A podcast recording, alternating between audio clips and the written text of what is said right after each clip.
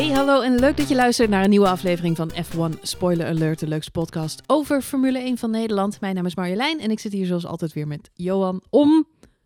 Zou je iets zeggen? Ja, ik zou zeggen hallo. Oh, gezellig. Hallo. Gezellig. Om de race van eh Sochi te bespreken, de Grand Prix van Rusland 2019, gaan we het vandaag over hebben. Da. Da. Eh, die werd vandaag eh, gereden, één dag voor de 22e verjaardag van Max Verstappen. Vorig jaar zagen we hem dat nog eh, vieren op het circuit. Nou, Daar was hij ontzettend blij mee. heel, op, heel vrolijk zag je dat, uh, zag. Ja. Ik denk dat hij heel blij zal zijn dat hij morgen gewoon lekker thuis zit zonder media-aandacht. Ik denk ook en eh, zijn verjaardag niet in dat altijd gezellige Sochi hoeft te vieren. Ehm, ja, wat kunnen we zeggen over de Grand Prix van Sochi in het kort? Het was denk ik niet de meest enerverende race van het seizoen. Echter hebben we wel weer wat dingetjes gezien bij Team Ferrari. Het zal ook eens niet. Nee. Waar we het eh, vandaag dan maar even over moeten hebben. Eh, ja, en waar twee vechten gaat eh, de derde er met het bot vandoor. En de derde was vandaag natuurlijk weer Lewis Hamilton. Onze luisteraars hebben gelijk gekregen, mooi nee?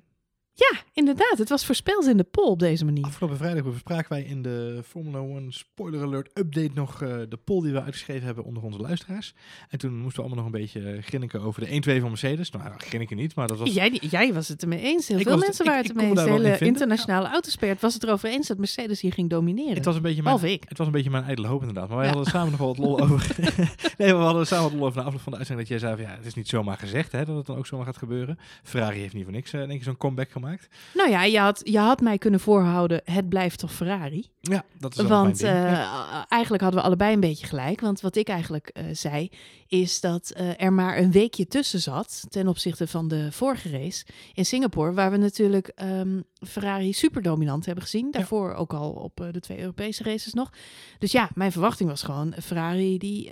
Die auto gaat niet in één keer een stuk langzamer. Nee, die Nee. gaan gewoon weer knallen. Is een supersnelle baan. Zagen we ook vandaag weer. Veel lange rechtstukken. Ja.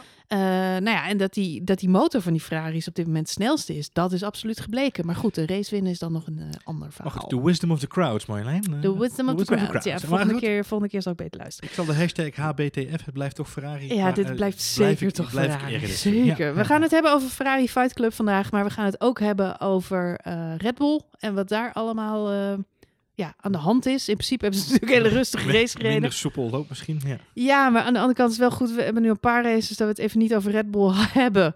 Want ja, we verwachten even niet zoveel van ze. Ja, Singapore eigenlijk wel. Maar Ja. dat kwam ook niet helemaal lekker uit de verf. Maar laten we het toch weer even straks over Max ook eh, een keertje hebben. Eh, en ik wil het ook natuurlijk uitgebreid hebben over eh, McLaren Mercedes. Ja. Goeie pet ook. Eh, Dankjewel. ja. Ja, nou, dus oud, oud McLaren petje. Ja. Maar ik heb ergens op zolder, als het goed is, nog al mijn eh, Je Mika, McLaren Mercedes eh, ja, eh, van uh, wel eer. Dus eh, Ik die kan kan, me wel iets uit herinneren het van een eh. Mika-vlag, inderdaad. Ja. Die Ja. kan weer iets eh, uit Goed. stof. Ja. Goed, dus McLaren moeten we het even over hebben. Renault, Williams. Maar goed, het gaan we- laten we beginnen met... eh, Jij zegt we hebben een vol programma. we hebben een vol programma. Vol Hmm. programma. Eh, Een aan tafel. Aan tafel. Wacht, daar zitten we. Voordat we beginnen, joh. Wil je nou? Nee. Goed, we gaan, eh, la- laten we gelijk beginnen. Ferrari, moeten we het nog hebben over kwalificatie? Nee, laten we Nee, daar nee, niet we, we hebben. hebben een vol programma. Nou ja, dus laten we, laten we laten we, gewoon laten we gewoon zeggen, eh, het is wonderenswaardig om te zien wat voor kwalificatie-based Charles Leclerc is. Absoluut, Dat absoluut. is wel echt een eh, dingetje waar ik, waar ik van ben geschrokken en, en ook wel positief ben door verrast. Ehm, als je inderdaad een record deelt in je debuutseizoen met Michael Schumacher, dan ben je geen klein kwalificatiebeestje. Dan ben je Nee, hij, hij, hij rijdt snel. Absoluut. Dat eh, kunnen we allemaal zien. Check. Check. Kwalificatie. Check. Next. Nou ja, goed. eh, we vorige podcast. We hebben vrijdag nog even een, eh, een update gepost. Die hebben we donderdagavond opgenomen. Dat was nog voordat het nieuws van Mercedes en McLaren onder andere Ja. bekend werd. Maar in die podcast hadden we het ook over Charles Leclerc. En het feit dat hij heeft aangegeven tijdens de persconferenties voorafgaand aan deze race. Ja. Dat hij eh, geleerd had van zijn fouten in Singapore. Met Ja. andere woorden, dat hij zich stil ging houden op de boordradio. Wat een serene rust vandaag, hè? Wat een serene rust. Oh, Ja, Heerlijk. blij dat het echt een man van zijn woord is. Kalm briesje. Eh, door de, door de radioverkeer heen bij Ferrari. Nee, ja, het leek wel weer een, af, een aflevering van MTV Cribs, joh. Eh, nee, heet dat programma ook weer met al die jongeren in dat huis? Eh, The real The world. real The world. real world, zo, jezus. opa vertelt. Opa vertelt, ja. Ik vond het te blasé om met Voor Temptation alle Island oude millennials Ja. die luisteren, die weten wat dat is. Voor alle jonge mensen, ja, laat maar. Zoek het op op YouTube. Schreckelijk. Fucking schreckelijk. Nee, maar niet zozeer het programma, maar ook gewoon... Leclerc vandaag. Ja, er werd wel op boordradio. gekakeld. Maar goed, Ah. als mensen zich niet aan afspraken houden, dan zijn er natuurlijk twee die dat eh, vandaag dan blijkbaar niet gedaan hebben. Wat is aan de hand, joh, bij Ferrari? ik, denk, ik denk dat de afspraak van eh, ik ga wat minder praten over de boordradio versus de afspraak Ja. ik ga een plek teruggeven, zit enige gradatie Ja, maar kom in. op. Het is toch echt serieus. Mensen die op Twitter die nu nog zeggen. Het is payback time, of het is karma, of het is... Ik ben de tel kwijtgeraakt. Ik weet niet hoe vaak welke van beide coureurs bij Ferrari op dit moment hun, hun beloftes niet nakomen. Eh, Charles Leclerc die zou een toe geven in Spa, eh, in, eh, in Monza. Dat Ja. deed hij ook niet. Nee, is niet helemaal gelukt. Nou ja, en sindsdien is het gewoon is het einde zoek. Het is het einde. Het is hetgene wat we eigenlijk allemaal al gezegd hebben aan het einde van vorig seizoen toen bekend werd dat Charles Leclerc naar Ja. Ferrari zou gaan. Dat is waar. Dat het vuurwerk zou opleveren eh, in de team eh, chemistry. Kijk, eh, ik denk dat de gehaktballen en de spaghetti vanavond door de tent vliegen. ik denk dat er-. Ik denk dat ze allemaal een kalmerend glaasje Prosecco hebben genomen. En, eh, Dat denk ik niet. Ik denk Nee, niet dat dat denk ik ook Prosecco is Ik denk getrokken. het ook niet inderdaad. Ik wil dat gewoon... ik- ik- Laat ik het nou een keer liefdevol oplossen met z'n allen, jongens. Nee. Ehm, nee, kijk, je, je- moet één ding nooit vergeten. En dus Vettel heeft gewoon ehm, jarenlang een hele eh goede, iets wat gedrogeerde teammaat gehad in Kimi Räikkönen. Ehm, die altijd heel kalm was. En daardoor niet zoveel stennis schopt in de tent. Ah. Eh, op het moment dat hij dat wel een beetje ging doen, moest hij ook weg. Eh, heel typisch. Eh, want er stond natuurlijk een jong talent klaar. Maar laten we niet vergeten, Sebastian Vettel is de man van Multi-21. Ja, ja, Webber, ja. Het is, het is de man die bekend staat om eigenwijs, eh, overal doorheen knallend en, en zijn eigen pad trekkende. Nou ja, la- ja, eh, laten we vooropstellen. Ik denk ook dat dat moet. Als je Yes. wereldkampioen wilt worden, anders kom je er niet. Nee. Dus ehm, eh, Bot, we hebben wel vaker gezegd, Bottas gaat nooit van zijn leven wereldkampioen worden. Maar goed, er staat ook in zijn contract dat hij dat niet mag. dus het is gewoon heel simpel. Maar eh, ja, bij Vettel en bij Leclerc, ik denk ook niet zozeer dat het de fout is van die twee coureurs hoor. Want eh, kijk, Oh, nee. wat je nou eh, van ze vindt. de ene vindt Vettel een, een crybaby, dat is hij bij tijd en wijle ook. Daar hebben we het in het verleden ook al vaker over gehad. Op dit moment is Leclerc dat heel erg.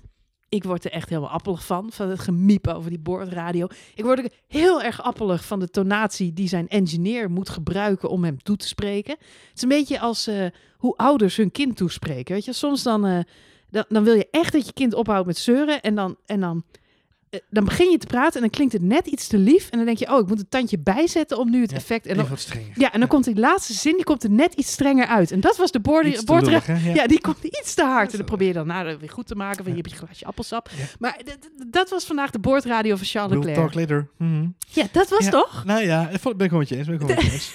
Echt... Nou goed, laten we vooropstellen dat deze aflevering van Dr. Phil bij En zo- 330 km per uur werd mede mogelijk gemaakt door de Ferrari Pit Crew. Maar zo praat hij zelf ook. Want eerst is hij boos en hij had natuurlijk beloofd van ik ga me niet meer boos maken. Dus hij zit als een soort zielepietje vandaag in die auto. Zo van, it's okay, it's okay, it's not the plan, but it's okay. It's not the plan, but yeah, it's okay. But still, it's not the plan. Weet je, wat? I respect you. Ik moest heel erg denken, aan, ik heb ook getwitterd, ik moest heel erg denken aan Kanye West. I'm gonna let you finish. Ja, I'm gonna let you Beyoncé finish. had Het de best echt. Ehm, eh, het, is, het is natuurlijk gewoon... eh, eh, ik, ik doe alsof ik het met je eens ben, maar ik ben stiekem niet met je eens. En Olaf Mol merkt dat ook heel scherp op, inderdaad. Het is allemaal oké hoor. Maar ja, het is allemaal oké. Ja. mhm. Maar het is niet oké. Nee, het is niet oké. En, en dat is een beetje het verhaal. Maar, maar wat ik al zeg, deze aflevering van Dr. Phil bij, bij 330 km per uur werd ook weer mede mogelijk gemaakt door zijn, door zijn team. Door de strategie om hem heen, door de strategen, door de pitcrew. En door de manier waarop die, door, op die gecoacht wordt. Ehm, Maar wat gebeurde daar nou helemaal? Want jij zei eh, net voordat we gingen opnemen, eh, Mauro, eh, Mauro. Binotto, zoals Mauro jij hem noemt, Mauro Picotto. in de jaren negentig ook succes met een aantal hele goede dance nummers. Die heeft een verklaring gegeven. Theo Binotto. Matteo. Ik heb, ik heb, Matteo. Ik heb, Matteo? Matteo. Matteo. Matteo Binotto. Nu ben, nou ben ik in de war. Mauro. Mauro Picotto. Goed. Goed. Wat heeft hij gezegd? nou, het grappige is, wij zeiden eigenlijk vrij snel tegen elkaar, ehm, wat gaat er nu gebeuren? Leclerc die, die haalde een soort van politieke eh, one-liner uit zijn ho- ogenhoed. Zo, wij gaan het er nu niet over hebben, we gaan het straks met het team nog even intern over hebben. Vettel deed iets soortgelijk bij, bij eh, Jack Ploy, ook voor de camera. Van, we gaan het er nu niet veel over hebben, we gaan het straks met het team over hebben. Mhm. En daardoor kwam de bal eigenlijk een beetje liggen bij Binotto en zijn, en zijn eh, rijke vocabulaire. Om uit te leggen wat nou het verhaal is geweest. Nou, het verhaal is dus geweest dat er kennelijk wel een afspraak was tussen Sebastian Vettel en Charles Leclerc. Eh, ze stonden natuurlijk achter elkaar op de grid, dus dat scheelt Mhm, natuurlijk een hoop mhm. met, eh, met optrekken. Ehm, eh, in dit geval zou Charles Leclerc wederom een tow geven in de vorm van een slipstream om Vettel vooruit te helpen. En mocht dan Vettel zo'n goede tow hebben gehad, dan zou hij de plek terug hebben gegeven aan Charles Leclerc. Mhm. Dat is de afspraak die er gemaakt is voor de race. Mhm. Punt. Ja, nou ja, goed. De, de, eh, voor, voor de tv-kijkers was het natuurlijk eh, weer een rare gewaarwording. Want wij zaten eigenlijk die race kijken. Er, eh, hè, er gebeurde een situatie met Grosjean direct bij de start crash. Ehm, dus Giovinazzi, Grosjean en Ricciardo. ja, precies. rare- Ze waren daar erg posten. druk mee. We zagen Vettel een, een wereldstart maken. Sowieso zagen we vanuit de auto van Hamilton was het heel goed te zien hoe de Ferraris eigenlijk allebei eh, als een gek eh wegsprinten op het lange rechte stuk. Ja. Had ook met de banden te maken, want de Ferrari start op andere banden dan eh, Mercedes. Exact. Ehm, maar ja, goed, we zien Vettel daar natuurlijk inderdaad die toe pakken. En ook Sainz profiteert daarvan, want die, die zit daar ook nog achter. En die komt ook nog een heel stuk. En wat ik zei bij de start, wat je echt goed ziet, is dat Vettel en Hamilton kiezen dezelfde lijn. Die zitten aan de, de binnenbocht.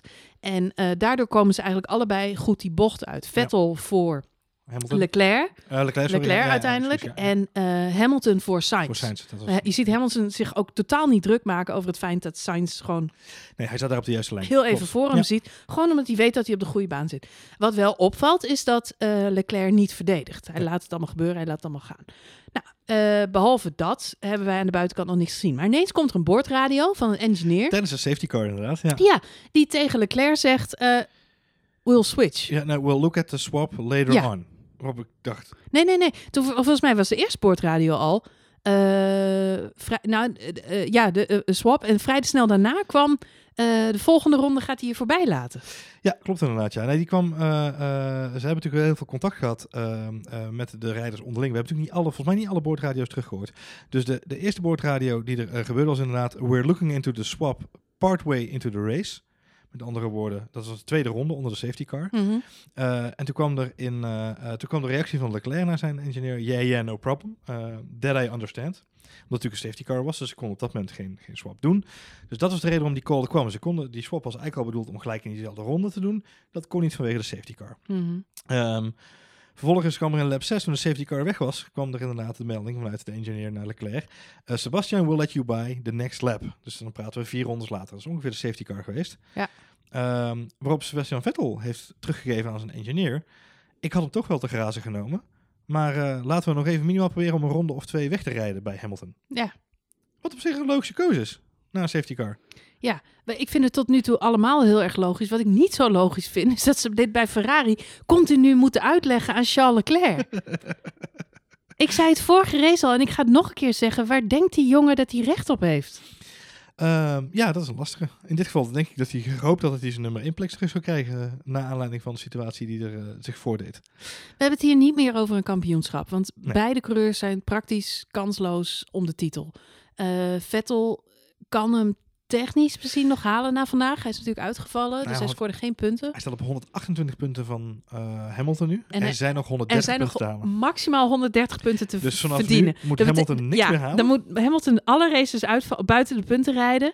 Moet Vettel alles winnen en drie keer de snelste ronde pakken. Exact, En dan kan Ja, hij nog wereldkampioen. nog Nee, dan moet hij vier keer de snelste ronde pakken. exact. Exact, want Ja. dan staat hij ervoor. Juist. Anders staan ze punten gelijk. Nou, wordt het toch lastig. Dan kan hij één keer de snelste ronde niet rijden. Dan wordt hij nog...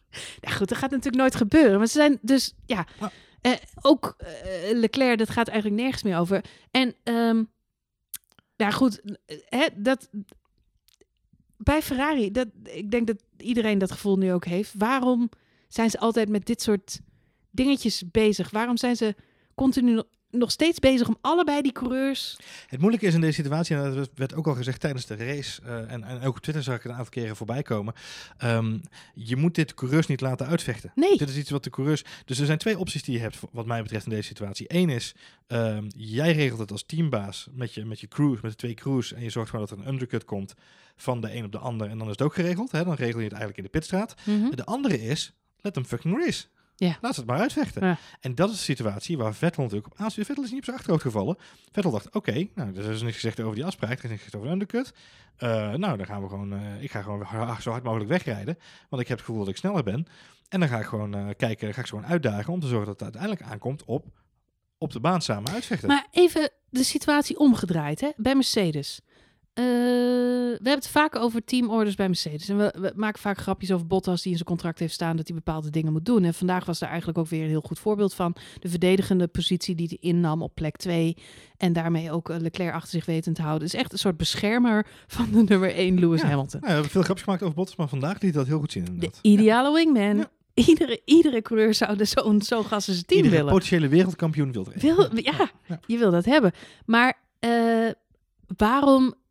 Als, nou, eh, nee, even mijn verhaal afmaken. Als Mercedes in die eh, positie had gezeten... dan hadden ze inderdaad gewoon de afspraak gehad... luister, eh, jij krijgt de tow van een van de coureurs... of jij geeft de tow. Dat is gewoon een afspraak. Jij geeft de tow en we gaan voor de 1-2. Dat is key. En dat is, dat is het punt. Dat is key. Weet je wel, er is maar één afspraak die je maakt in de briefing 's ochtends voor de race. En de afspraak is: de ene coureur geeft de andere coureur de tow. Dus plek 1 en plek 3 hebben we het dan over op de startgrid. Want we willen een 1-2 pakken vandaag. Welke volgorde maakt in dit, fase, in dit stadium van het kampioenschap niet zo heel veel uit. Nee, en het probleem is Had dat... je ook nog aan het einde van de race kunnen besluiten. Exact. Ze hadden nog in de laatste ronde kunnen doen. Ja. Wordt dit een catfight over de boordradio? In ronde 2. Het gaat nergens over. Charles Leclerc, die staat verschut. Die wordt op Twitter door iedereen afgemaakt. Iedereen zegt even, houd toch eens op met je gejank de hele tijd. Ik ga wederom zeggen, Charles Leclerc, echt serieus. Die gast heeft de ballen verstand van wat er om hem heen gebeurt. Dat hij dit continu uitgelegd moet krijgen. Het is gewoon geen tacticus. Nee. Het is niet iemand die, die, die drie stappen vooruit denkt. En dat is wel iets wat ik vind dat een Formule 1-coureur moet kunnen. Die race is nog lang. Er zijn nog pitstops. Er zijn nog, er zijn nog safety cars. Er kan nog van alles gebeuren. Je hebt maar één taak en dat is achter elkaar aan met twee rode auto's zo hard mogelijk vooruit rijden. En wat gebeurt er? Vettel was bij far de snelste. Zette de ene naar de andere snelste ronde neer. Het gat met Leclerc liep al heel snel op naar vier seconden. Nou, Ja. dan ga je toch niet op de rem staan en zeggen, nou kom maar jongen. Kom Nee, maar. dat, is, dat is verhaal een beetje. Het Dat tussen, is zielig. het gat tussen Vettel en Leclerc was 4 seconden. Het gat tussen Leclerc en Hamilton liep op naar 3,5 seconden. Ehm, aan het eind van de race zien we dat dat, dat dat eigenlijk precies genoeg is om te zorgen dat je die 1-2 kunt verdedigen.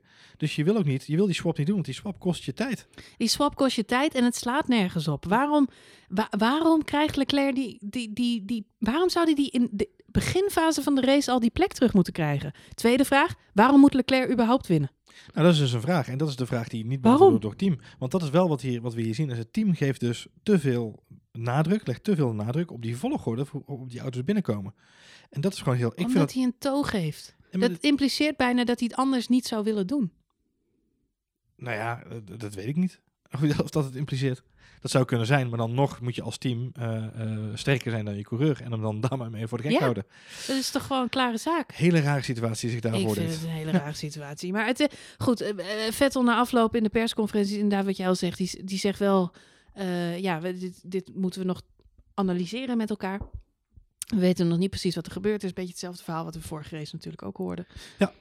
Nou, Vettel heeft natuurlijk wel een aantal dingen eh, uit de doeken gedaan. En met name dat hij ook gewoon zei, ik, ik was gewoon sneller. En eh, ik wilde het gat met Hamilton gewoon zo groot maken. Wat, wat je bij eh, Vettel, wat je hem niet kunt ontzeggen, is het feit dat hij altijd, waar we het de vorige podcast ook al over hadden, is dat teambelang, da, dat, daar is hij al twee weken, drie races, of sorry, drie races nu over aan het hameren. Dat teambelang is eigenlijk hetgene wat, wat het toe doet op dit moment. Of het nou gaat over Monza, of over België, of nu dit keer hier in, in Rusland. Eh, ik denk niet dat hij heel erg bezig is geweest met de posities van de auto's, maar met het 1-2 opzetten. En natuurlijk kwam, het hem wel heel erg goed uit. Dat daar gewoon eerlijk genoeg in zijn dat hij daar op kop reed. Maar hij reed zo verrekte snel. Hij had zelf ook heus wel door dat hij wegreed bij de rest van het veld. En dan is het dus gewoon alleen maar bezig zijn met zorgen dat we het optimale resultaat halen als team. Yes. Ja, Nou, eens. En, en, en dan moet je dus niet gaan over de boordradio gaan lopen lullen over. Ik, ik heb alles gerespecteerd en ik heb alles begrepen, maar ik wil graag mijn plekje terug. Ik vind eigenlijk, ik vind hoe Vettel en Leclerc zijn, vind ik niet zo gek. Hm. Want in beide coureurs zie ik winnaars. We hebben het vaak over Max Verstappen gehad. Eh 2015, incidentje in Singapore, in de Toro Rosso, krijgt hij de orde, laat je teamgenoot voorbij. En Max Verstappen zegt No. over de bordradio, no. Weet je, echte kampioenen, die, die, die, die, ja, die gaan tegen teamorders in, punt. Dus dat Vettel en Leclerc dit allebei, dat ze in elkaar steken zoals ze in elkaar steken, hè, maakt ze goede coureurs. Echter, ja, hoe Ferrari nu op dit moment de boel aan het managen is, is wederom want- bij mij. Heb je eindelijk die auto op orde? Heb je eindelijk die shit op orde? Ga je dit soort rare... Kun je, kun je voor 4 uit 4 Ah, gaan? Dit is een luxe die je niet hebt. het is, eh, Echt een luxe. Je moet gewoon eh, echt een, een ontzettende harde klootzak zijn. En gewoon tegen Leclerc zeggen, rijd er maar achteraan. Maak die race maar af daar. Eh, exact. En Bottas krijgt dit ook vaak te horen. We'll look into it. Ja. En nu gewoon head down en racen. Precies. En het feit dat er al geroepen werd van je krijgt hem terug en je krijgt hem toch weer niet terug en we gaan nog even kijken. en, en hoe doen ze, hoe lossen ze het uiteindelijk op?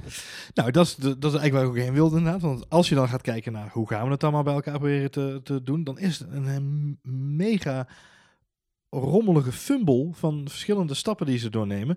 Die natuurlijk wel doorkruist wordt door de pech van Vettel. Eh, maar dan wilden ze Ja, er zijn, er zijn eigenlijk twee verhalen, ja. Ja. Want eh, er is een verhaal wat Binotto nu naar buiten heeft gebracht. Mhm, mhm. En, en er is een alternatieve theorie. maar leg je even uit wat Binotto in de persconferentie Er, is heeft gezegd. er is een alternatieve realiteit. Weet je dat soms? zeggen? ja, ja. Wat heeft Binotto gezegd wat er gebeurde? Binotto heeft aangegeven dat. ehm, en laten, we, laten we eerst even zeggen wat er daadwerkelijk op de baan gebeurde. Want dat Ja. is wel makkelijk om het even eh daarin op te hangen. Eh, we zien uiteindelijk zien we eh, Charles Leclerc achter eh, Sebastian Vettel aanrijden. Sebastian Mhm. Vettel rijdt op kop. re- Verbreekt eigenlijk ronde na ronde het baanrecord. Ja. De snelste tijd. Zijn Ja. eigen snelste tijd. Niet het baanrecord, maar zijn eigen snelste tijd. En Leclerc rijdt daar achteraan op 3,5, 4 seconden. En eh, al vrij snel zien we eh, onze grote vriend Leclerc naar binnen komen. En iedereen zegt, ah, daar is de undercut op Sebastian Vettel eh, om hem die plek terug te geven. Hij krijgt een supersnelle pitstop, Mhm, 2,5 mhm. seconden volgens mij uit mijn Ja. Ehm, en iedereen zegt, oh ja, dan gaan ze dadelijk bij eh, Vettel, want Vettel had, zat op het randje. Het scheelde een paar tienden of hij ervoor of erachter zou eindigen. Als Vettel een ronde daarna was binnengekomen, was er niks aan de hand geweest, was Vettel nog steeds aan de leiding. nummer 1 gebleven. Let op, hij lag vier seconden voor. Vier Exact. seconden is echt veel. Maar wat doen ze? Ze laten Vettel nog vijf, vier rondes, Vier ronden door. vier rondes doorrijden. Ja, ja, ja, dus hij rijdt nog vier rondes door. Het gat met Leclerc slinkt en slinkt en slinkt. En uiteindelijk komt hij binnen op, volgens mij was het verschil daadwerkelijk echt zestiende of zo. Eh, en de pitstop duurt dan ook nog eens bij Vettel Een halve seconde langer. langer. Waardoor hij uiteindelijk ja, net achter Leclerc terug op de baan komt. Mhm. En iedereen zegt dan, ah, nou, dat is de undercut teruggegeven en eh, de plek is teruggegeven aan Maar ze aan piepelen echt Vettel om, Om door te rijden, om de swap, ja, eh, zeg maar, tot stand te kunnen brengen. tot stand te kunnen Ja. brengen zonder dat ze Wat- gedoe hebben op de baan. Wat ze daarbij als uitleg hebben gegeven is het volgende. Ja, Eh, Binotto, mijn grote vriend Mauro Picotto, heeft aangegeven ehm, eh, dat ze Leclerc naar binnen hebben gehaald omdat hij daadwerkelijk problemen had met zijn banden. Eh, met name linksachter geloof ik was een probleem bij, bij Leclerc. Zijn banden moesten vervangen worden. Ze waren echt helemaal stuk. Daarom is hij naar binnen toegekomen. En ze hebben Vettel naar buiten gehouden omdat ze de safety car situatie met Lewis Hamilton wilden dekken. Dus als er een safety car zou komen, wilden ze niet alle twee de auto's op korte termijn bij elkaar naar binnen hebben. Want mocht er in de tussentijd gebeuren een safety car, dan zouden ze nog een plek kwijtraken. En dat was zeker niet de bedoeling. maar de Mercedes'en, die stonden op andere banden. Mediums, ja. Ja, Dus het undercut voordeel was er eigenlijk altijd al voor, in dit geval Leclerc, op Hamilton. ja. Het is, eh, het is de, de- de- Hamilton had al aangegeven, hij reed natuurlijk op mediums. En net voordat eh, Leclerc naar binnen ging, volgens mij eh, een ronde of drie, vier daarvoor, kreeg Hamilton ook over de boordradio te horen dat ze op de pitstopstrategie stonden plus 15. Dus hij moest nog eens 15 rondes door, want de, band het kennelijk zo goed volhield dat ze nog 15 rondes door konden. Kun je twee dingen overdenken. Eén is, het kan een spelletje zijn vanuit Mercedes om te zorgen dat inderdaad bij Ferrari ze dachten, oh, lang leven lol, blijven nog even buiten rijden. Maar in principe is dat niet eens iets waar ze zich druk over hoeven te maken, want ze reden daadwerkelijk een andere bandenstrategie. Dus het is vreemd. heel vreemde ehm, oplossing in dit geval. Nou ja, goed. eh, vervolgens eh, viel het woordje karma vaak op eh, Twitter. Want eh, vrij snel daarna, eh, eigenlijk volgens mij de ronde dat Vettel de pits weer uitkwam, ging zijn auto stuk. Hij rijdt de pits uit en daadwerkelijk eh, volgens mij nog geen, de, ja, misschien 500 meter inderdaad. En zijn elektro valt uit, het hybride stuk van ja, zijn motor. dan zijn er een hoop uh, aluhoedjes die verklaard hebben. Vettel die parkeert hem daar ergens op een onhandige plek, waardoor er een safety car komt. Waar uiteindelijk de Mercedes ervan profiteren. Die kunnen pitten Ja. en pakken daarmee de leiding. Eh, maar goed, eh, jij gaf al aan, de auto van eh, Vettel, ja. moest direct stoppen, omdat, omdat je dan krijg je zo'n waarschuwing op je dashboard dat Klopt. de auto elektronisch geladen kan zijn. Stewards, stewards en, Ja. en de stewards, de, het pitteam, de stewards en de coureur krijgen een signaal dat de, het hybride systeem, het, Ja. het elektronische gedeelte van de auto heeft een, heeft een storing. En de auto kan dan inderdaad elektronisch geladen zijn. Dan moet hij de auto zo snel mogelijk langs de kant zetten. En er komt ten alle tijden op dat moment een virtual safety car naar buiten. Ja. Om te zorgen dat die auto op een veilige manier weggehaald kan worden. Ja. Nou, volgens mij niks vreemds. Eh, en hij zette hem volgens mij ook nog op een redelijk keurige plek inderdaad. Dus die discussie, ja, dat vond ik een hele vreemde inderdaad. Dat mensen zich daar zorgen over maakten. En ook hier geldt weer. Deze situatie was vervelend en inderdaad een, eh, heeft Ferrari een plek gekost. Maar die andere plek hebben ze zelf ingeleverd. Ja, want daarna gaat. eh, nou, leg maar uit. Nou ja, eh, nou, vooruit, ik pak hem even lekker door. Eh, want wat zien we gebeuren? In, onder de safety car, een virtual safety car, sorry, gaat Lewis Hamilton direct naar binnen om zijn gele wangetjes in te leveren voor een vers setje softs. Ehm, dan gaat er nog een volle ronde virtual safety car overheen. Mhm, Eh, die ronde gaat Bottas naar binnen Mhm. voor een paar nieuwe bandjes. mhm. En dan pas een ronde daarna gaat Leclerc naar binnen om nieuwe banden te En dat is het moment dat Russell gecrashed is En en, er een echte nieuwe safety, car, Ja, een, echt, een volledige safety car inderdaad. Op dat moment zijn dus zowel Bottas als ehm, eh, eh, Hamilton, al naar binnen geweest. En is dus Leclerc teruggevallen van een potentiële nummer 1 naar een nummer 3. Ja, want hij lag aanvankelijk nog tweede na de pitstop van Hamilton. Maar omdat bij Ferrari besloten wordt, hé, hey, laten we onder safety car toch nog maar een keer extra nieuwe bandjes pakken. We moeten volgen. Ze willen volgen in de, in de strategie van Is hij, Mercedes. komt hij eigenlijk ook achter Bottas te liggen. En vanaf daar is het dan eh, ja, een hele andere wedstrijd. Ja, en daar verliezen ze dus wederom een plek aan dit geval Bottas. Het is een bizarre situatie, toch? Ik vind het een hele vreemde situatie. Ik denk dat het, eh, het, het is het zoveelste voorbeeld dat we dit seizoen hebben gehad. Dat het af en toe... Weet je, strategie is een ding. En eh, voor iedereen die zegt, Mercedes krijgt hem vandaag in de schoot geworpen. Mehula. Ja, dat Want- vind ik ook. Ehm, eh, ja, natuurlijk is die safety car en die virtual safety car, dat zijn momenten waarop een wedstrijd beslist wordt, feitelijk. Ja. De, de winnaar wordt daarin Ja. vastgesteld. Maar die wordt daar alleen vastgesteld, ten eerste, omdat er een hele scherpe pit crew is bij Mercedes die zegt, oké, nu naar binnen, want Ja. het is een VSC en we kunnen nu deze stap maken. Er is een coureur, in het geval van Lewis Hamilton, die een foutloze race rijdt Ja. en ervoor zorgt dat hij niet in de problemen komt. En dan is er inderdaad, waar we het al eerder over gehad hebben, eh, Captain eh, Ultimate Ninja Wingman, eh Valtteri Bottas, die gewoon vandaag laat zien Bottas. waarom Mercedes voor hem kiest en niet voor Ocon. Ja. En, en weet je, dus dat is gewoon onderaan de streep. Mercedes krijgt hem heus niet zomaar de streep overgedeeld. Nee. Die 1-2. Het is een zwaar bevochten overwinning. Met een gelukje naar binnen gehaald misschien. Maar het is niet zo dat ze hem zomaar eventjes naar binnen hengelden. Nee, absoluut niet. En dit is natuurlijk wat in het begin van het seizoen ook vaak bij Ferrari misging. En dit is gewoon weer zo'n voorbeeld ervan. Wat me wel heel erg opviel is dat beide Ferrari-coureurs, dat zei ik naar jou na afloop ook, er waren veel media die zeggen eh, Leclerc staat er dan eh, beteuterd op de derde plek. Ik vond Leclerc helemaal niet zo beteuterd op de derde plek. Nee, je zei dat Ik kreeg heel erg het gevoel dat Leclerc blij was dat Vettel uit de race was en dat hem geen reet uitmaakte wie er op het podium stond als het maar niet Sebastian Vettel was. Ik moest heel erg hard lachen. Ik weet niet of jij ook is opgevallen, maar bij die coureursinterviews, aan het einde zie je altijd die coureurs al een beetje naar de, naar de auto's van hun collega's te kijken. Hè? Zo van, hmm, wat heeft Mercedes gedaan? Ja. Hmm, wat, heeft Mercedes, wat heeft Ferrari daarop zitten? Eh, in dit geval eh, koos Charles Leclerc ervoor om stukjes rubber van zijn band af te gaan staan pulken. Oh. Als een soort van verlegen jongetje in de hoek. Oh. Het zag er echt heel schattig uit. Eh, maar goed, anyway. Ja, ik blijf van, ja, los van, van rubber van zijn banden afhalen. Maar ik vind Charles Leclerc nog geen tacticus hoor. Het feit dat hij elke keer weer dingen uitgelegd moet krijgen over hoe races zich ontvouwen. Het Nee, maar- baart me zorgen. Nee, nou ja, het baart me geen zorgen, want dat, dat betekent dat hij gewoon nog niet eh, ja, die geduchte concurrent is van onze eigen Max de komende jaren. Nou ja, laten we, Eh. nou ja dat, dat durf ik dan wel te betwisten. Want als je kijkt naar zijn debuutseizoen in een, in een competitieve auto versus Max zijn debuutseizoen. Ja, nee, ik ben, auto. ik ben helemaal met je eens dat het een, eh, een dijk van een racer is. Maar ook een ontzettend gevoelsmens met een Zeker. hoop emoties. En daar hebben we dit seizoen ook al heel veel van gezien. En, eh, En gehoord vooral. Ja. En gehoord, met name. En ik heb toch liever zo'n eh, zo'n coole kikker eh, in de auto zitten, moet ik zeggen. Nou heeft Max ook een gezonde portie emoties hoor. Die hebben we ook al regelmatig gezien. Ik ken er ook wat van. Maar aan de andere kant gewoon, je moet ook realisme hebben. En als je niet de motor of niet de bandjes hebt, sommige dingen zijn gewoon, eh, Nou ja, ja, science, hoe noem je dat? Wetenschappen. Ja, maar goed, Charles Leclerc is 21, is, is een verschrikkelijk ruw talent en is wat mij betreft zeker de nieuwe Ferrari-kopman van de toekomst als Vettel absoluut, absoluut. gaan. Ehm, Nee, maar ik probeer een beetje naar zo'n weak spot te zoeken waar ja, we hem op waar kunnen, pakken. kunnen we hem waar pakken? kunnen we hem op pakken? Nou, Ja. dat is sowieso Ferrari. Gewoon bordradio, ja. Ja, want hij is een emotionele man bij een emotioneel team. Het verklaart voor mij ook wel weer, want ik vind Vettel enerzijds ook een hele emotionele man, maar aan de andere kant natuurlijk ook een bak ervaring. Ehm, ja, die. Nou, een ander mooi voorbeeld is natuurlijk Lewis Hamilton. Daar zeggen we ook altijd van. Dus Ja. ook één vat emoties. Die heeft ook altijd, oh, mijn auto begint te trillen, mijn stoel zit los. mhm. eh, wat hebben ze veel power? Die maakt zich ook altijd stress en zorgen. Maar juist het feit dat het team om Lewis heen zo ontzettend grondlich, gedegen en goed en zakelijk is, maakt dat Lewis daar binnen kan, eh, ja, ja. nou ja, kan, kan, stralen, Kan stralen, kan, ja, ja. en, en kan scoren.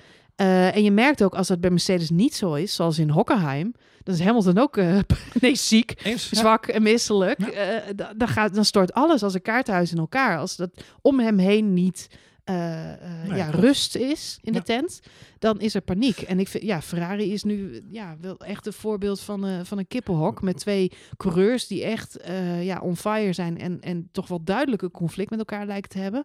En een teamleiding die ook gewoon niet echt eh, Nee, wat ik al, wat ik al touwtjes in handen heeft. Ik, ik heb opgeschreven in mijn notities bij de race vandaag van nu is alles nog koek en ei. En dan hoor ik alle politieke lines uit de Tweede Kamer voorbij komen om brandjes maar te blussen. Alleen dan dus in de Formule 1, om zo maar even te zeggen. Want ik heb alle politiek, politiek correcte dingen voorbij horen komen vandaag.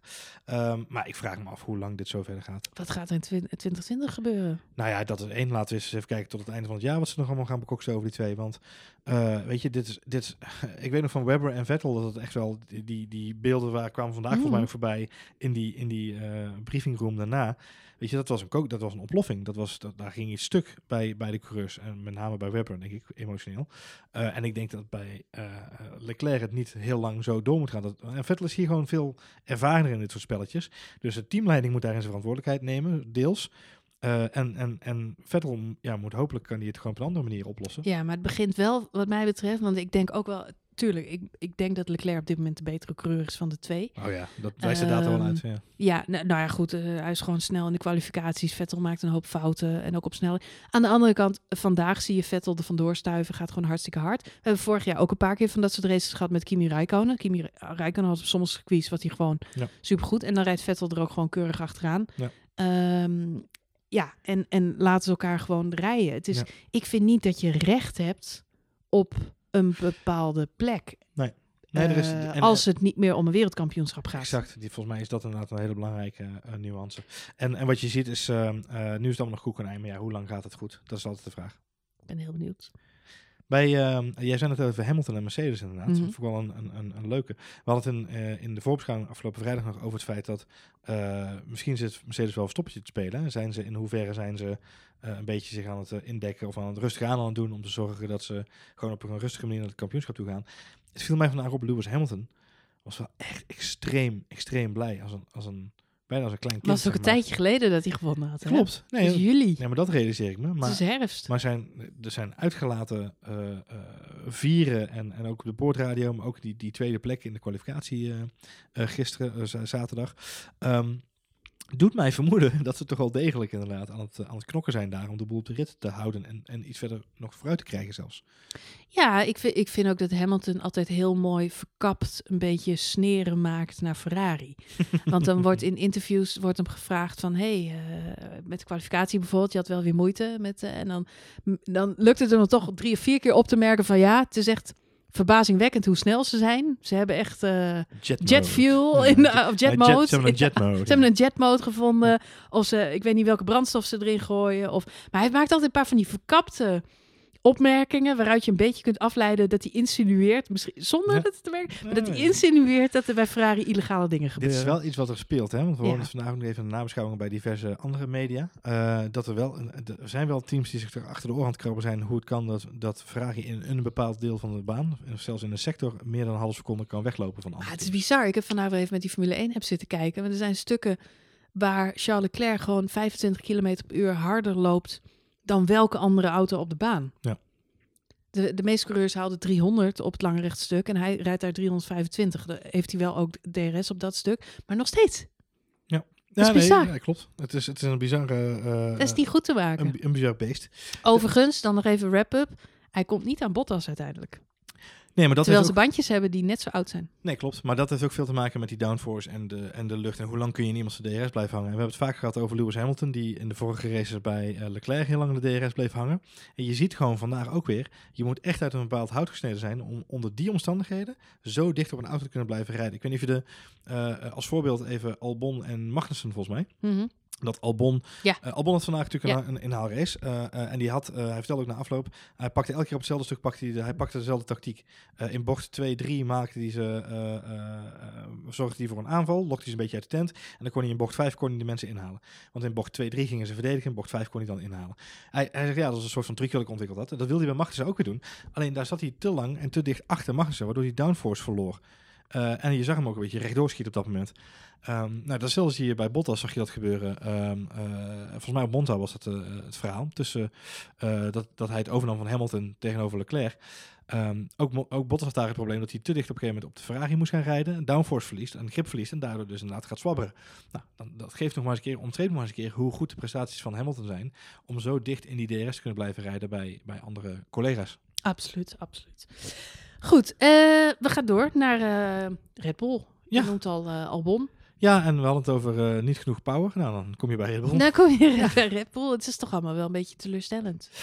Ja, er zijn twee teams die, die, die na de zomer niet zo heel erg lekker op de rit hebben. Eén is Alfa en de andere is Red Bull. En, en Red Bull Nee. is degene die ons het meeste pijn doet natuurlijk onderaan de streep. Eh, omdat daar onze Max natuurlijk gewoon We rijdt. zijn weer terug waar we het seizoen begonnen met Max op de vierde plek. Ja. Ja. En er viel er dan eentje uit, zoals hij zelf zegt. er viel een van die rode... Sepp, anders, en anders had had hij het over. Sepp viel hij uit. 50 gestaan. Ja. Ze zijn wel on eh, first name basis.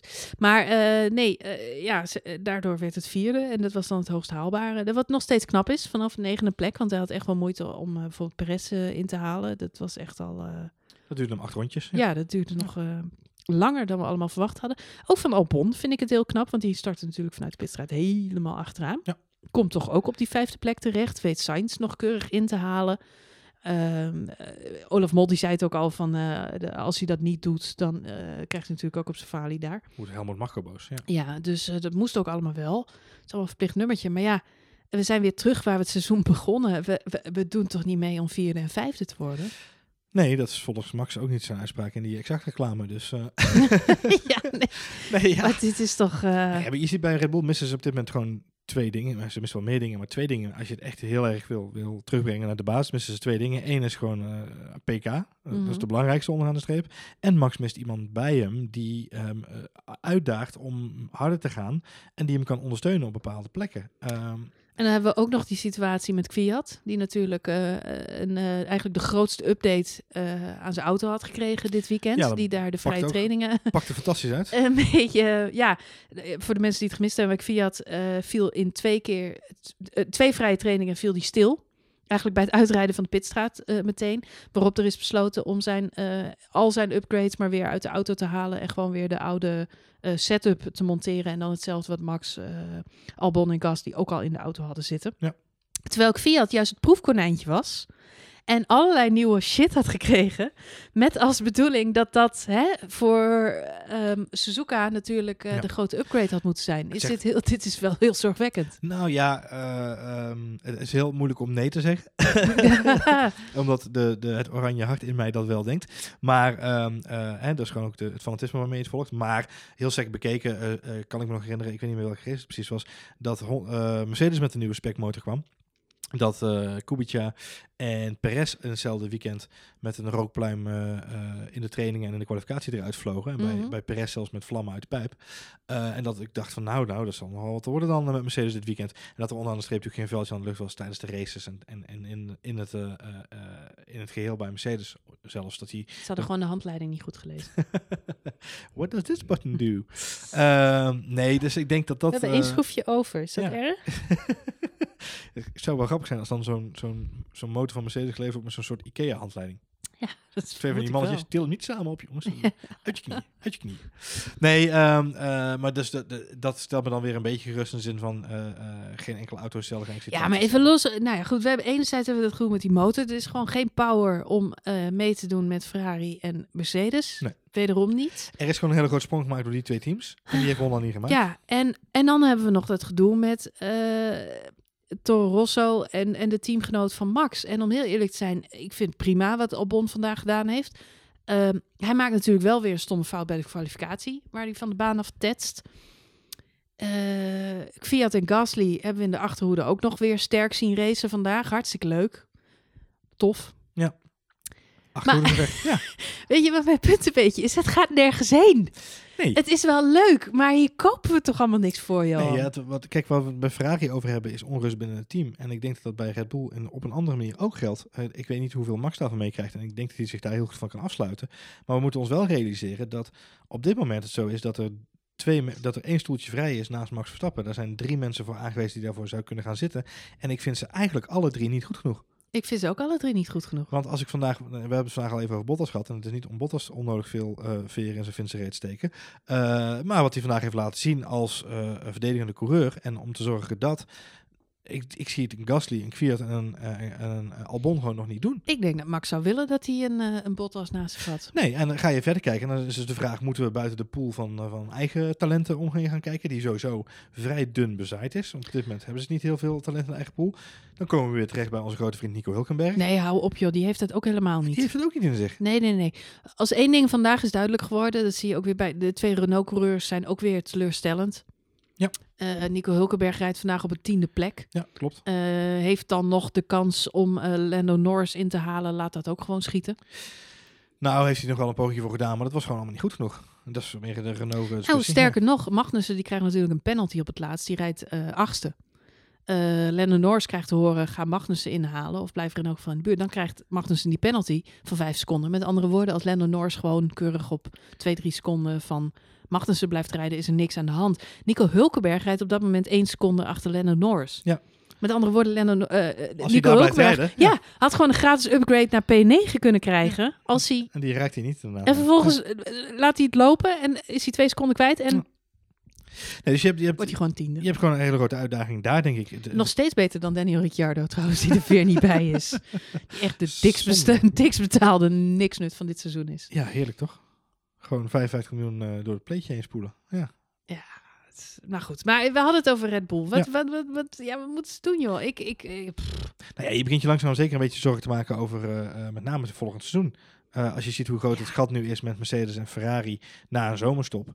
In de doorontwikkeling gedurende het jaar. Nou, volgend jaar rijden we het voor het laatste jaar, iedereen weet het intussen, nog met deze specificaties. Dus dat is eigenlijk het laatste jaar dat we echt nog van deze auto's en deze setups en deze situaties kunnen gaan uh, genieten en het maximaal eruit kunnen gaan halen als fabrikanten.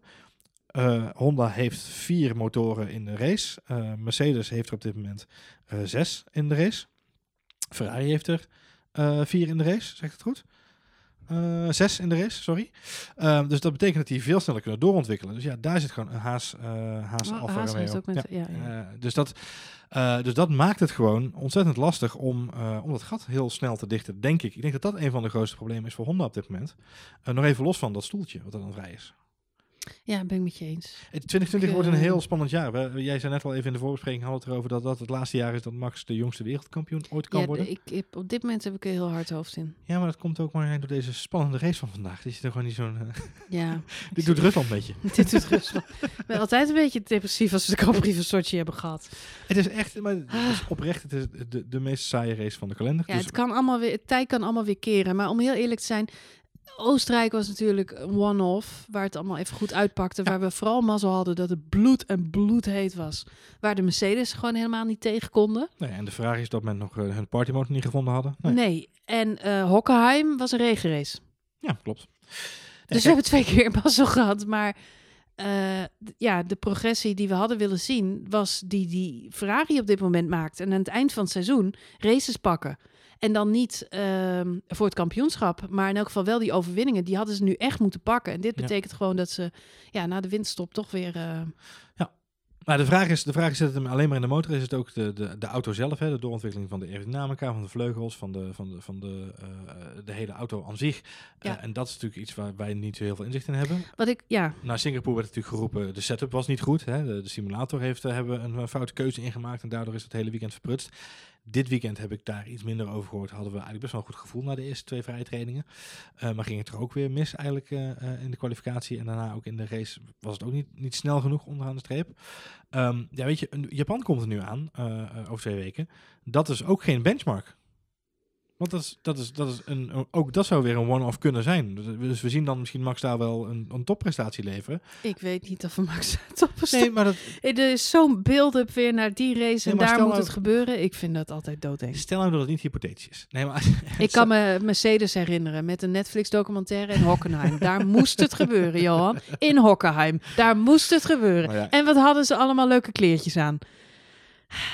Dat Japan, jongen. Oh, wat gaan we nat daar. Nou ja, ik zie Helmut Mak wel in een kimonootje lopen. Ehm, Netflix erbovenop. Netflix erbovenop. Uh, nee, maar ik denk, weet je, stel, stel nou dat hij daar wel een, een, een, dan nog steeds zegt het niet zoveel over de, de doorontwikkeling, omdat het, nou nogmaals, precies wat jij nu zegt, daar wordt, alles wordt daarop ingericht om daar dus te kunnen presteren. Dus ik ben heel erg benieuwd, met name naar Mexico. Uh, wat we al doodleuk altijd Mexico genoemd hebben.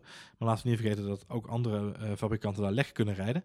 Uh, maar ik ben heel erg benieuwd naar Mexico en ik ben heel erg benieuwd naar Brazilië. dat zijn gewoon... Ja, dat vind ik... Ja, dat klopt. Dat zijn altijd leuke races. Dat zijn twee races ja. waar ook gewoon... Ze zoeken ook hoor. Je moet er alleen vroeg voor op staan. Ja, klopt persoonlijk iets... Nee, ja. geen, geen mindere favoriet van wij. Suzuka is natuurlijk waar Mika die kampioen werd ooit. Dus, we kunnen nou gewoon dan live podcast opnemen in de... Nee, goed, laten we dat niet doen. Uh, nee, maar ik bedoel, dat, dat zijn de benchmarks wat mij betreft voor, voor waar staan we nou echt eigenlijk. Amerika is, vind ik, ook een lastiger circuit om dat op te beoordelen. En Abu Dhabi is natuurlijk altijd maar gewoon een beetje een treintje. Uh, uh, daar wordt nooit, nooit, nooit echt meer... moet altijd een beetje denken aan de laatste etappe van Tour de France. Dat is zo oh ja, naar, de, naar, naar Parijs. De, naar de Champs-Élysées, allemaal zeg maar. champagne zitten te drinken. Nou, zo, zo voelt mij die laatste Grand Prix altijd een beetje. Ik weet niet hoe dat is, maar... Ja, dat is wel waar, ja. Goed. Je hebt gelijk. Nou goed, uh, ja, ik, pff, ik heb een hard hoofd in. Maar het, het, is ook een beetje dat je in deze fase van het seizoen... Het gaat nergens meer over. Hamilton, die gaat die titel pakken. Mercedes, de constructeurs... Uh, je gaat een beetje de balans opmaken en je, je zoomt ook een beetje uit op die teams. En wat speelt daar nou en uh, hoe gaan ze met dingen om? Ik maakte het grapje over Mercedes met Hockenheim, waar ze natuurlijk echt ja. Uh, ja, hun zinnen op hadden gezet. Maar wat wel grappig is daaraan, is dat zij hebben meegewerkt aan die Netflix-documentaire. En ze hebben groot uitgepakt omdat Mercedes zoveel jaar bestond. En al die kostuumpjes erbij, hartstikke leuk. Maar van tevoren was al bekend Toto Wolf wilde vorig jaar expliciet niet meewerken aan de Netflix-documentaire, omdat het allemaal ruis is en omdat het allemaal afleidt van ja. het werkelijke doel, en dat is wereldkampioen worden. En hij wilde het eigenlijk niet hebben. Nou is er dus een marketingdirecteur of iets of iemand geweest die heeft gezegd: Toto, jongen, doe dan niet zo flauw. Laten we nou voor één keertje meedoen. Nou, die gast is inmiddels ontslagen. ontslagen ja. die, die, werkt niet meer die bij Mercedes. Bij ja. Daar hebben ze Daniel Ricciardo aangenomen. Die heeft ja, nee, maar hè, het geeft wel aan dat ze zijn bij Mercedes juist niet van die tierlantijnen. En dat maakt dat ze zo goed zijn. Dat maakt dat ze uh, voor, de, voor de zoveelste keer op rij nu constructeurs pakken. Dat maakt dat ze de eerste vijf races van het seizoen belachend een 1-2 scoorden. Omdat ze zo grondlicht zijn en omdat ze zo focus zijn op hun taak. Nou, Ferrari hebben we het net over gehad. Dat is gewoon een spaghetti tent. Echt serieus. Dat wordt ook nooit wat anders. Ik vind het prachtig als ik de Italianen daar met z'n allen hun volkslied zie zingen. Maar tegelijkertijd denk ik, uh, ik, ja, het, kloppen ding. Het is vanuit emotie. Het is, dat maakt het juist heel mooi. Ik ben blij dat zonder ja. Ferrari zou ik Formule 1 verschrikkelijk vinden. Uh, ze zijn een, het hart, een van de harten van, van deze sport. Um, maar ja, juist dat groenlicht wat Mercedes is, en zij zijn niet. Laat ik daarop het, het, maakt, het maakt de overwinningen van Ferrari en de wereldkampioenschappen zoveel meer speciaal. Dat je weet dat het... Ja, het omdat het vanuit het emotie... Uit passie. En, inderdaad. En, en vanuit een hart. En dat maakt het inderdaad heel mooi. Dus uh, prachtig. Maar goed, wel een beetje oncontroleerbaar en niet echt pijn. Nou, dan heb je Red Bull. Op dit moment... Ik moet ook een beetje denken aan het interview wat Ricciardo er ooit over gegeven heeft. Red Bull gaat niet echt ergens heen. Ze doen elk jaar hetzelfde trucje. Ze zijn heel erg bezig met de buitenkant en de show. Max moet de jongste wereldkampioen worden. Hou nou toch op. Op dit moment maak ik me zorgen of hij überhaupt wereldkampioen wordt. Dat is wel wat er nu moet gaan gebeuren. Ja. En op dit moment zitten we gewoon nog niet op die koers. We zijn ontzettend bezig met die nummer twee in het team. Uh, terwijl eigenlijk dit jaar alle focus had moeten zijn op die motor en het ontwikkelen van de, de aerodynamics en de, en de auto en de et cetera. Ze hadden niet hoeven zoeken naar een goede tweede coureur. Nou, voor het volgend seizoen hebben we nog steeds diezelfde discussie. Wie wordt de tweede rijder? Ja, Albon, het is allemaal leuk en aardig, maar het is gewoon nog geen topper. Het is niet iemand die in kwalificatie een keer Max eraf rijdt.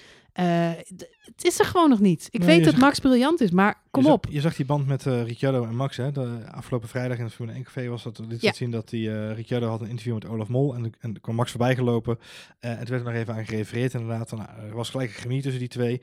En ik refereerde al eerder een keer naar een, een interview dat ze gedaan hebben bij Sky Sports. Waarin uh, Max vroeg aan, Dan, aan Daniel Ricciardo, mis je me? Waarop uh, Daniel zei, mis je mij? Waarop Max zei, ja, soms. In de kwalificatie, als we elkaar uitdagen om dingen te doen, of hè, als we op circuits doornemen en elkaar echt pushen tot het maximale. En daarin zit heel erg beklonken wat er op dit moment gewoon met die nummer 2 mis is. Daar zit niemand die Max Verstappen uitdaagt. De, de situatie die we net bij Ferrari bespraken is giftig. En aan de andere kant is dat juist hetgeen wat ze op dit moment de goede kaarten geven voor 2020 om misschien een wereldkampioen te gaan leveren.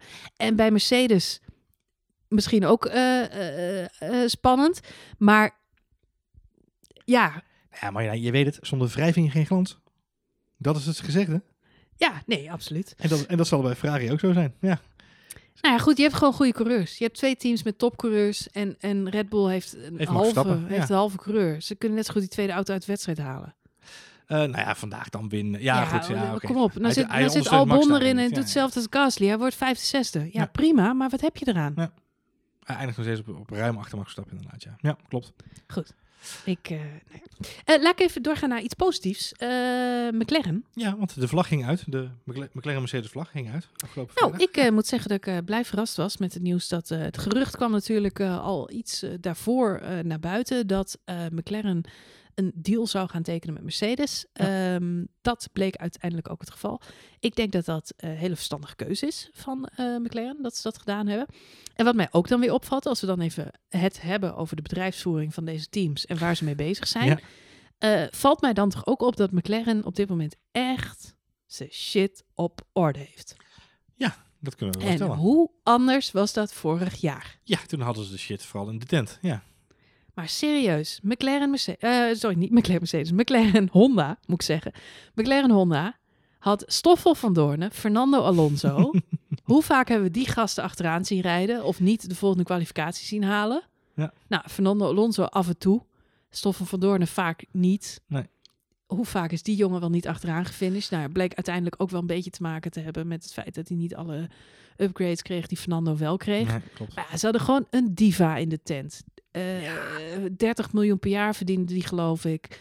Eh, verhoudingen waren compleet zoek. Nou, wat hebben ze gedaan vorig jaar? Schoon schip. Fernando, die is ermee gestopt. Die is eh buiten gezet. Eh Stoffel van Doorn hebben ze eruit geklinkt. Ja. En ze hebben twee nieuwe coureurs daar neergezet. Eh Sainz en eh Lando Norris. Sainz, die natuurlijk al een bakervaring had. Hm. Reed al zoveel jaar, niet te oud, maar gewoon gezonde bakervaring. Lando Norris uit Formule 2, super talent. Zetten we ernaast, kijken wat we gaan doen. Dus twee jonge coureurs. Eh, ze krijgen volgens mij allebei eh, prima salaris van een paar Ja, miljoen, ja. maar geen 30. Nee. Met andere woorden, ze houden geld over. Nou, dat geld hebben ze geïnvesteerd onder andere in het bouwen van een nieuwe windtunnel. Eh, ze hebben een nieuwe technisch directeur aangenomen in de vorm van Andreas Seidel. Die kwam uit de Porsche. Porsche LMP1. Ja. ja, Ehm, en eh, ja, die, die is daar binnengekomen. En eigenlijk hebben ze hem de vraag gesteld: wat hebben we nodig om weer een topteam te worden? Toen heeft hij gezegd: nou, één is die windtunnel en twee is een andere motor.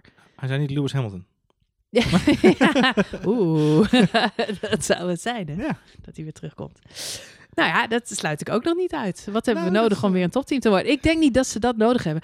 Om, eh, maar ik, eh, tuurlijk, het testen van een auto is heel belangrijk. De aerodynamics op orde krijgen, dat is wat ze nu aan het doen zijn. Ik weet nog dat in de fase met Honda eh, zeiden ze heel erg: eh, we hebben ons package op orde. Weet je, de auto is allemaal top. Alleen die motor die is niet goed genoeg.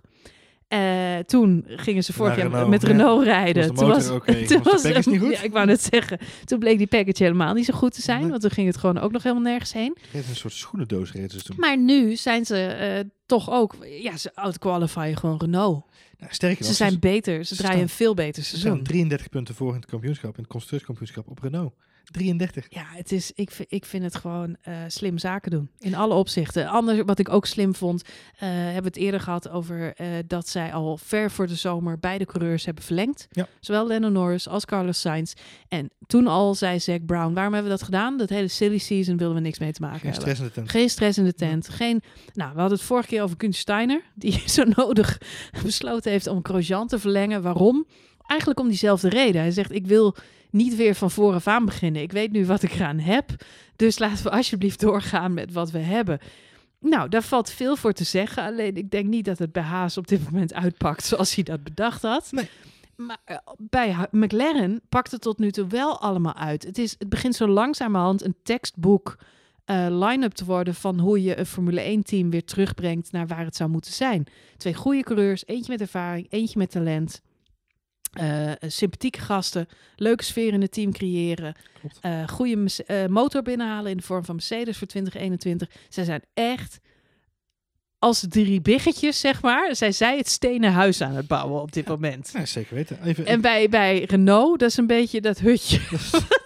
van stro. Ja, precies. Van stro. Als ik die vergelijking mag Nee, sorry, dat moet ik goed zeggen. Dat het wordt gemaakt van eurobiljetten van het salaris van Daniel Ricciardo. En, en inderdaad de stront die vanuit de Nou ja, als je dan van- even, als je die vergelijking af wil maken, maar bij Renault, ik vind Renault op dit moment echt één grote clusterfuck. Het is, die mo- motor, die heeft het gewoon nog steeds niet. Ze hebben zich vorig jaar gigantisch uit de tent laten lokken door die hele rel met Red Bull. Eh, we hebben het allemaal in die Netflix-documentaire gezien. Het is natuurlijk sterk aangedikt en geromantiseerd. En er worden verhalen gemaakt waar ze niet zijn. Maar de kern van, de, van het verhaal staat wel. We hebben allemaal Max Verstappen vorig jaar in de pers zien zeggen, regelmatig, hoe shit die Renault-motor was. Hoe Ja. slecht het allemaal was. Ja. Die Abite Boel en al, alle mannen daar, die zijn daar verschrikkelijk door in een wiek geschoten. Eh, uiteindelijk heeft Horner bekendgemaakt, we stoppen met Renault, we gaan met Honda.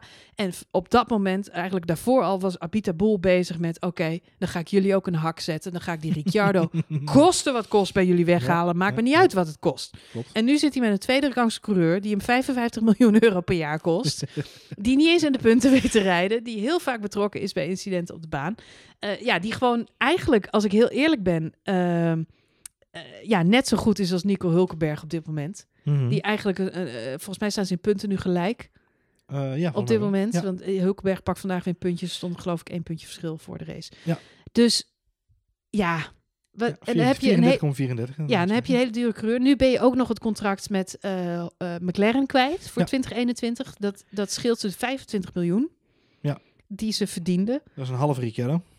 Dat is één jaar Ricciardo. Ja. Nou, Ricciardo heeft na dit jaar nog een contract voor een jaar. Dus mijn voorspelling is alvast 2021 zien we Ricciardo niet meer terug bij Renault. Zou zomaar kunnen. En de vraag is of hij daarna überhaupt nog Formule 1 rijdt. Maar ik denk niet dat het hem heel veel zal, zal, zal interesseren. Want die casht gewoon natuurlijk deze Nou ja, twee jaar. Zeker waar, zeker waar. Wat, En daarna kan hij stoppen met werken. Het is inderdaad zo dat Ricciardo niet echt de beste aanschaf eh, is geweest eh, qua rendement voor Renault die, er, die je zou kunnen bedenken.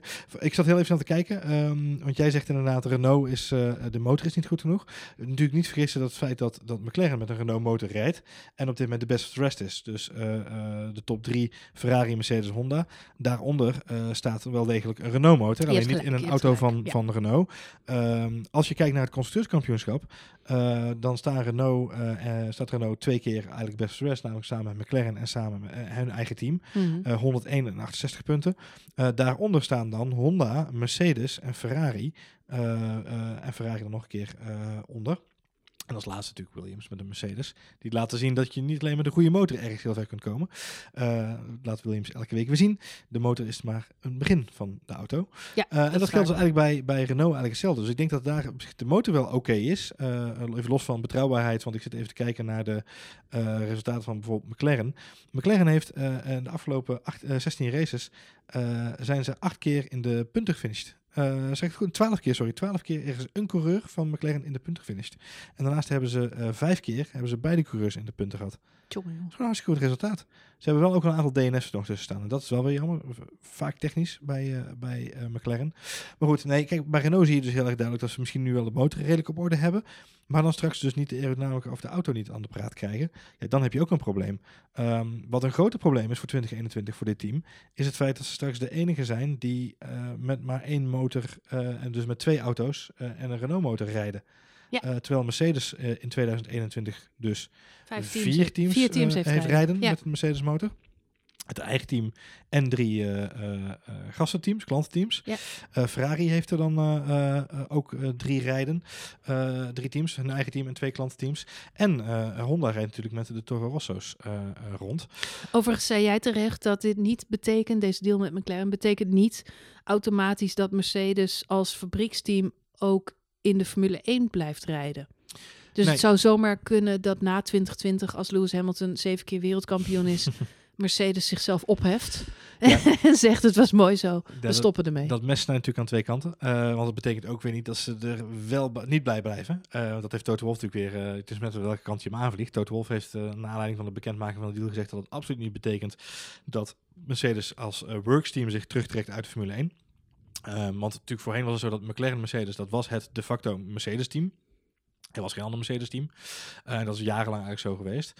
Ehm, het verhaal is wel dat Mercedes heeft besloten om vanaf 2025 geen verbrandingsmotoren meer te gaan maken. Dus de autofabrikant Mercedes. Dus qua branding, qua eh, visi- visibiliteit in de markt, is het voor Mercedes veel minder interessant om nog Formule 1 te sponsoren. En dat doet de rol aanzwengelen dat ze misschien wel zouden kunnen gaan stoppen met Formule 1. Ik ben van de situatie eerst zien dan geloven. Eh, het feit is wel dat ze natuurlijk volgend jaar met Nick de Vries en Stoffel van Doorn, waar we het al even over hadden, in de Formule 1 gaan rijden met een echt team. Ehm, eh, dus ja, de vraag is een beetje, wat gaat het brengen? 2021 wordt wat dat er gaat echt een breekpunt voor, voor een heleboel dingetjes. En ook de, de deelname van Mercedes. Gaan we dan in 2020 weer een beetje een herhaling van dit seizoen zien? Ik ben er wel een beetje bang voor op dit moment. Stom hè? Ja, Die banden eh, is natuurlijk een hoop gezeik over. Eh, eh, de motoren eh, blijven eh, grotendeels natuurlijk helemaal hetzelfde. De, de, de aero-updates worden allemaal een beetje op de lange termijn geschoven. Dus ik verwacht niet dat we heel veel veranderingen in 2020 gaan, eh, gaan zien nog. Dus gaan we voortborduren op wat we nu al hebben.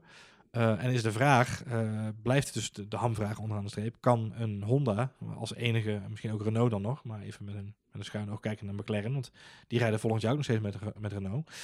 Kunnen Renault en Honda dat gat wat meer dichten? Want dat zou Ja. het alleen maar spannender maken. Eindigen onder positive notes. En dat is dat ik wel vind dat dit seizoen het eh, achterveld of de beste, de rest, zeg maar, buiten top 10 zit veel dichter bij elkaar. En dat Ja. maakt de races wel veel leuker om naar te kijken. Ik kan me herinneren dat we vorig jaar echt naar races zaten kijken waar gewoon twee klasses naast elkaar reden. Wij maken, het, we maken nu spoiler alert sinds 2017 en we hebben, Ja. ik heb nog een keer terug te luisteren naar oudere afleveringen, gewoon puur voor de grap ook eens, om te kijken van nou, waar hadden we het toen over. En er zijn een aantal races bij, waaronder ook Rusland, waarin we gewoon zeiden van ja, hier gebeurt gewoon helemaal niks. Of eh, daar werd iemand gewoon op twee rondes gezet, je, wel, uit de top Ja. 5 of uit de top 6.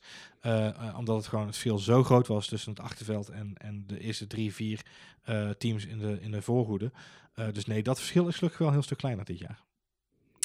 Laten we het daarbij laten. Er is nog veel meer. Er zijn nog veel meer teams waar we het eigenlijk ook over moeten hebben. Williams gaat natuurlijk ook helemaal niet lekker. Die heeft vandaag zelfs een auto uit de race moeten halen. Onderdelen sparen. Omdat ze Ja. onderdelen moesten sparen. Dus als je het hebt over bedrijfsvoering, die zitten gewoon echt full-on in survival mode op Ja. dit moment. Ja, Gewoon precies. onderdelen sparen. Beetje kleintjes letten. eh, als, ze, als ze niet meer mee hoefden te doen de rest van het seizoen, dan zouden ze daarvoor tekenen, denk ik. Ja, ja ze- volgens mij zijn zij vol, vol al bezig op 2021 of op 2020 Ja, met de ik. doorontwikkeling van de motor en, eh, en, en de auto, sorry, niet tussen de motor. want En bij eh, Alfa Romeo, daar loopt het op dit moment ook helemaal niet lekker. nee, dat is misschien wel leuk om de- testen goed... eh, Misschien moeten we daar de update even over laten we daar in de update even verder over Want we hebben natuurlijk deze week geen, geen back-to-back race, dus we hebben een, een vrije Nee, we kunnen eind van de week even. Misschien is er dan ook nog wat eh silly nieuws. Nou, Nico Hulkenberg zou bekendmaken wat hij gaat doen. Ja, rondom Japan hoopte hij wat meer duidelijkheid te hebben. Oh ja, dat is dan misschien. Dus misschien nog een weekje extra. Nou goed. Hey, we moeten nog wel even de review doen van de race. Hè? Want we hebben, Oh, de review van de race. Ja. Ja, nou heel belangrijk. Wat vonden mensen van de we race? hebben een polletje gehad natuurlijk onder de, onder de luisteraars van uh, Formula 1 Spoiler Alert. Eh, of in ieder geval de volgers van het Twitter-account. Miljoenen stemmen. Dankjewel allemaal voor je voor het stemmen. Best fans.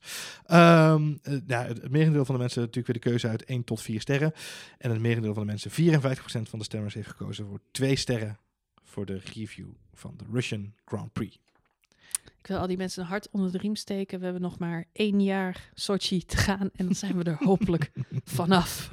Het we- is zeker niet mijn favoriete race. Nee, absoluut niet. Eh, ik sluit me aan bij de 2 sterren voor deze race. Ja, ik ook. Ik heb ook twee sterren gegeven. Oh, heb je ook twee zijn sterren? wij de enige twee stemmers? Of- Nee. Ja, nee, er zijn drie, ja, twee, drie stemmen. Jij, ik en Romain Grosjean. Ja, die vond er ook niks aan. Nee. Goed, we gaan eh, afsluiten. Wil je reageren op deze podcast? Dan kan dat zoals altijd via Twitter. Dat vinden we hartstikke leuk. En we zijn ook benieuwd naar jullie meningen. Vooral over waar de teams nu staan.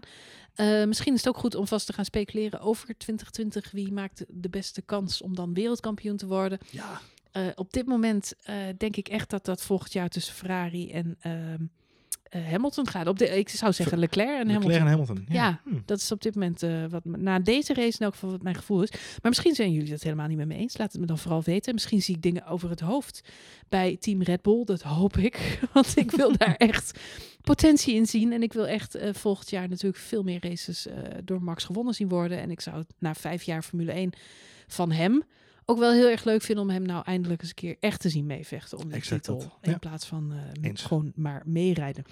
Eh, zien jullie daar eh, kansen voor? Laat het me dan vooral weten. Dat kan via Twitter At F1 Spoiler Alert. of naar. At Marjolein met een lange ei. Of naar. At Johan Voets met een lange oe.